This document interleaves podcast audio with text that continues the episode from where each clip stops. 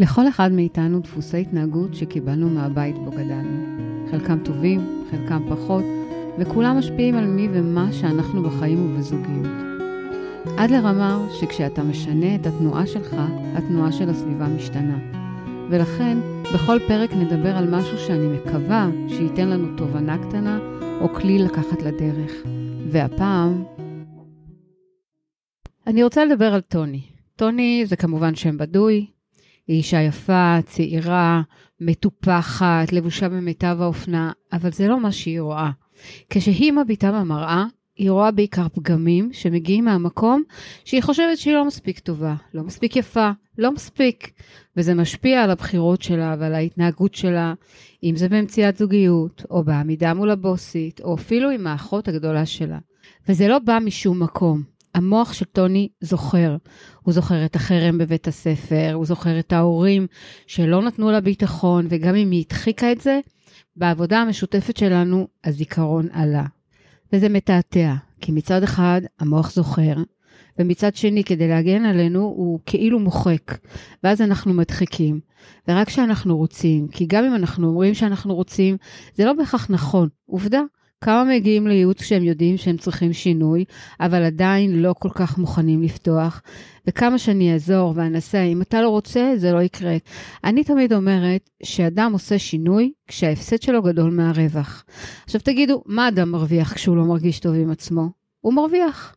אצל טוני למשל, זה היה חוסר היכולת להתמודד עם פצעי העבר, וכל עוד שזה שירת אותה, זה היה בסדר.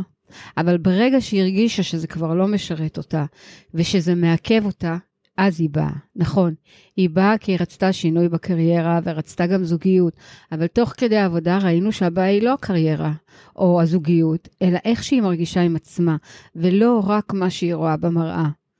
כשהערכה העצמית שלנו נמוכה, היא משפיעה על כל תחום בחיים שלנו. על האופן בו אנחנו מדמים את עצמנו, והערך שאנחנו נותנים לעצמנו לגבי מה שקורה לנו בחיים. מידת הביטחון שלנו קובעת מי יהיה מסביבנו, מי הגבר שנמשוך לחיינו או האישה, לאיזה עבודה נתקבל, כמה נרוויח בעבודה הזו, ואפילו מידת הבריאות שלנו מושפעת מרמת הביטחון שלנו. בואו, כמעט כל אחד סובל מחוסר ביטחון עצמי ודימוי נמוך ביחס למה שאחרים תופסים אותו, וביחס לפוטנציאל שלו. נכון שזה לא נתון גורף, וישנם כאלה שהביטחון העצמי שלהם גבוה, אך גם אצלם כנראה שיש עוד מה לחזק. אצל כל אחד זה פוגש בחלקים אחרים בחייו. יש כאלו שמצליחים בטירוף בקריירה, אבל תקועים בכל מה שקשור לזוגיות. לא מאמינים שמגיע להם, לא מאמינים שזה יקרה להם, או שמי שהם רוצים ירצה אותם. ויש כאלה שבקלות מצאו זוגיות, אבל הם לא מצליחים להשיג חברים, או לא מצליחים להשיג קריירה. כל אחד והמקום החזק והחלש שלו. חשוב לדעת שקיים קשר בין רמת הביטחון שלי בעצמי לבין רמת האושר שלי וההישגים שלי בכל פלחי החיים. בואו נעשה הבחנה בין המונחים השונים. ביטחון עצמי הוא בעצם הקשר שלנו עם עצמנו. כשאנחנו אוהבים את עצמנו, מאמינים ביכולות שלנו, בכך שמגיע לנו להיות מושרים, מצליחנים, להיות מלך או מלכה בחיים הללו, אנחנו בעצם הופכים לבעלי ערך. בדיוק כמו שיהלומן מעריך את היהלום החדש שהגיע לידיים שלו, או שיזם מעריך את הנכס החדש שהוא מצא. אדם שמעריך את עצמו, הערך שלו גבוה, והביטחון שלו בעצמו גבוה בהתאמה. עכשיו בואו נדבר על דימוי עצמי. דימוי עצמי הוא האימג' שאנחנו מדמים את עצמנו בחיים. האם אנחנו מדמים את עצמנו כאנשים מצליחים, מוכשרים, יפים, או כאנשים נכשלים ולא יפים?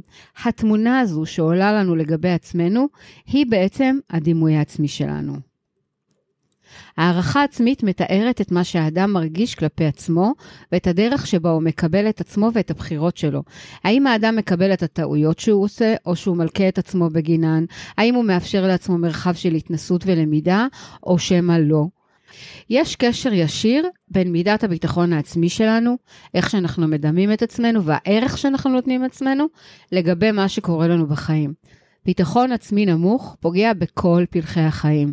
הוא מכרסם אותנו מבפנים, בעוד שביטחון עצמי גבוה הופך את החיים שלנו לטובים יותר, בריאים יותר ושלמים יותר. ככל שהביטחון העצמי יהיה גבוה יותר, האהבה העצמית תהיה גבוהה יותר.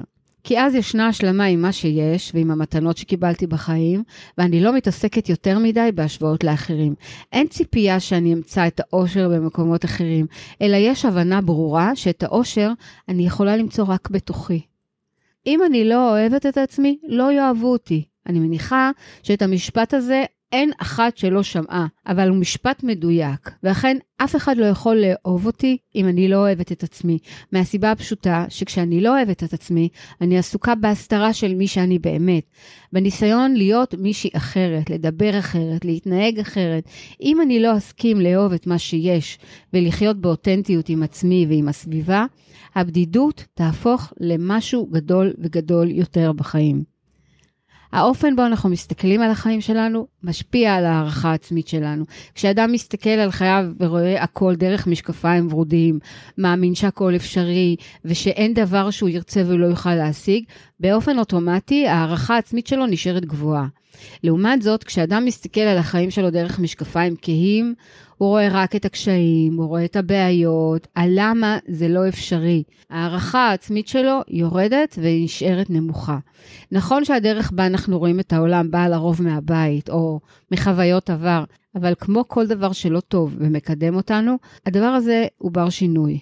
ההסתכלות על החיים במשקפיים ורודים מאפשרת להתמודד עם האתגרים שהחיים מזמנים לנו. מאפשרת לנו להיות אוהבים, להיות אהובים, להרגיש טוב עם עצמנו ושמחים בחלקנו. האמונה שאני שווה, שאני אצליח ושמגיע לי להיות מאושרת ונאהבת, גורמת למין תחושה פנימית נפלאה ומביאה בעצם לשקט, לחוזק ורוגע. ההסתכלות על החיים דרך המשקפיים הכהים לא מאפשרת את ההתפתחות הזאת, את ההתפתחות הנפלאה הזאת. היא משאירה את האדם במקום, היא משאירה אותו במרמור, בתסכול, ברקנות, וחוסר האמונה ביכולותיו האישיות הופכות אותו לאדם שתלוי תמידית באישורים חיצוניים ולא נהנה בכלל מההצלחות שלו. עכשיו בואו נלך לתכלס. בואו ניתן לכם תרגילים לחיזוק הביטחון העצמי, הדימוי והערך העצמי. עכשיו, כל יום תעשו תרגיל אחד. ובכל יום תוסיפו אחד. כל תרגיל יהיה משמעותי רק אם הוא יתקיים שוב ושוב, ולא תעשו אותו באופן חד פעמי. אז נתחיל? התרגיל הראשון, תודה. כאשר הדימוי העצמי שלנו נמוך והערך העצמי שלנו נמוך, האוטומט שלנו הוא להדוף מחמאות שאנחנו מקבלים מהסביבה. אז התרגיל הוא, להיום וכמובן לתמיד, תגידו תודה. תגידו תודה לזה שנתן אותה, על כל מחמאה, ואל תגידו את זה בלב. ואל תעדפו או תציקו לצד השני בתגובה של נגד. ולאחר התודה, תחגגו אותה בלב. תגידו לעצמכם שאתם מחבקים את המחמאה הזאת, שאתם אוהבים אותה ומאמינים לה. גם אם אתם לא באמת מאמינים לה, בסוף זה יקרה. התרגיל השני, חייכו. כל יום תחייכו במהלך היום באופן יזום, חיוך שמשדר חיוביות לסביבה, חיוך ש, שבעצם גורם לנו לקבל חיוכים בחזרה.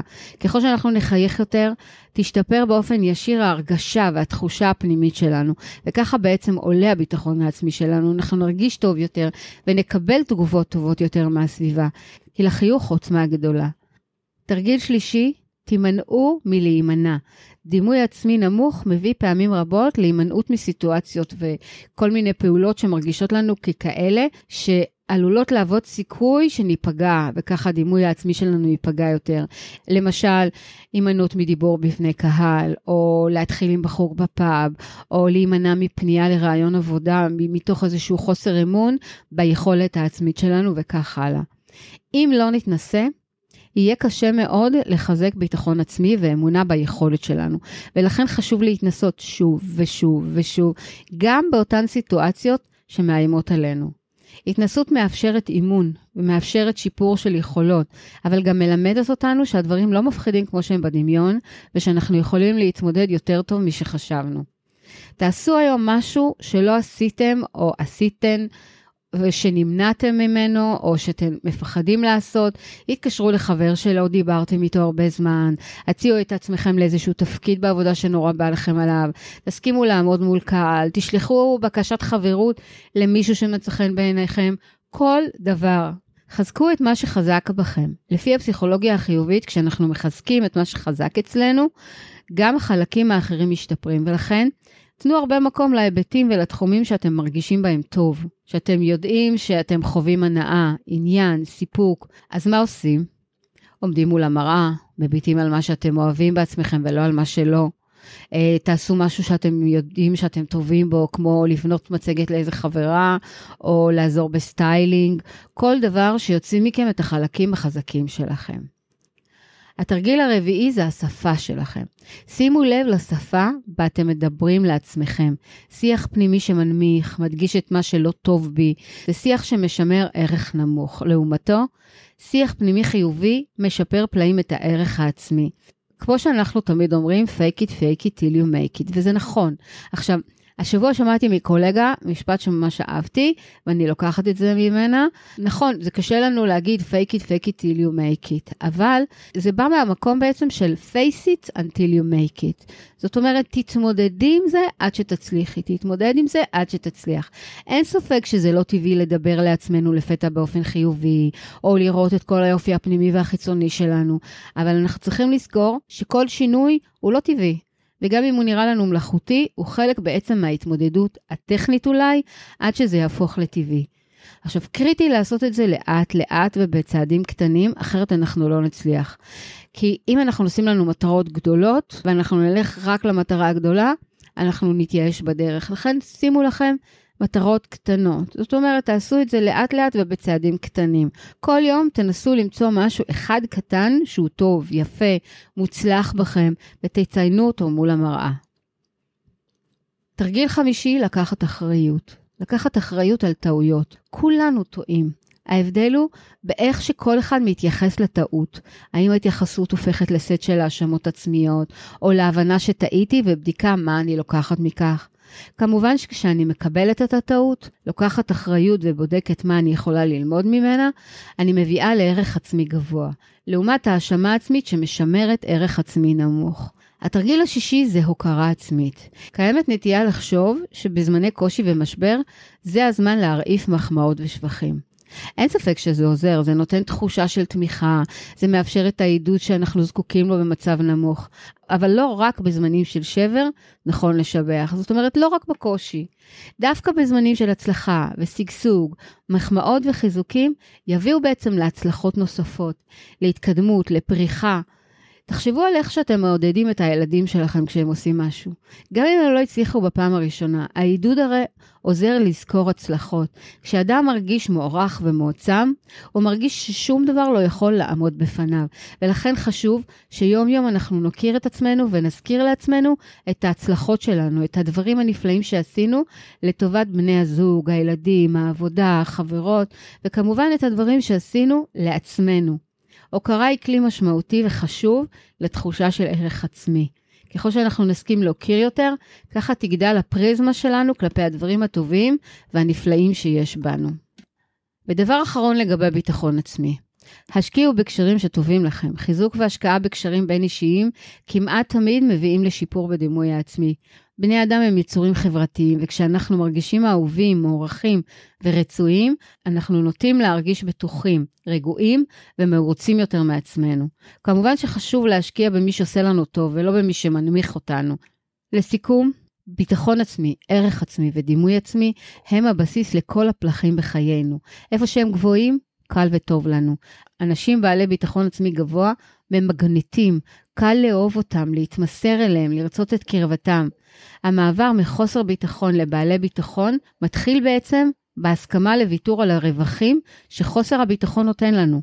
רווחים כמו לא לקחת אחריות על דברים, כמו להימנע מדברים, לא להיפגע כי לא מנסים, להישאר למטה ולא לקחת סיכונים ועוד ועוד ועוד. רק כשנסכים לוותר על הרווחים שחוסר הביטחון מאפשר לנו, נוכל לעשות את המעבר ולהפוך לאנשים עם ביטחון עצמי גבוה, ושם חיינו ישתנו. תדר השפע נפתח כשאנחנו מרגישים טוב עם עצמנו. כשאנחנו מתנהלים ללא מאמץ, כשהערך עצמי שלנו גבוה, אנחנו יכולים הכל. רק צריך להאמין בזה, להאמין בעצמנו. אז תשחררו את הקורבנות, את אזור הנוחות, את האשמה, את הבינוניות, תפסיקו לבזבז את החיים בתהייה האם אני מספיק והאם אוהבים אותי, ותסכימו לראות את הייחוד שלכם ואת הגודל שלכם. ואם אתם רוצים לשמוע עוד טיפים על זוגיות, על אימון אישי ועל החיים, בואו לאינסטגרם שלי, שם יש עוד מכל הטוב הזה. Bye.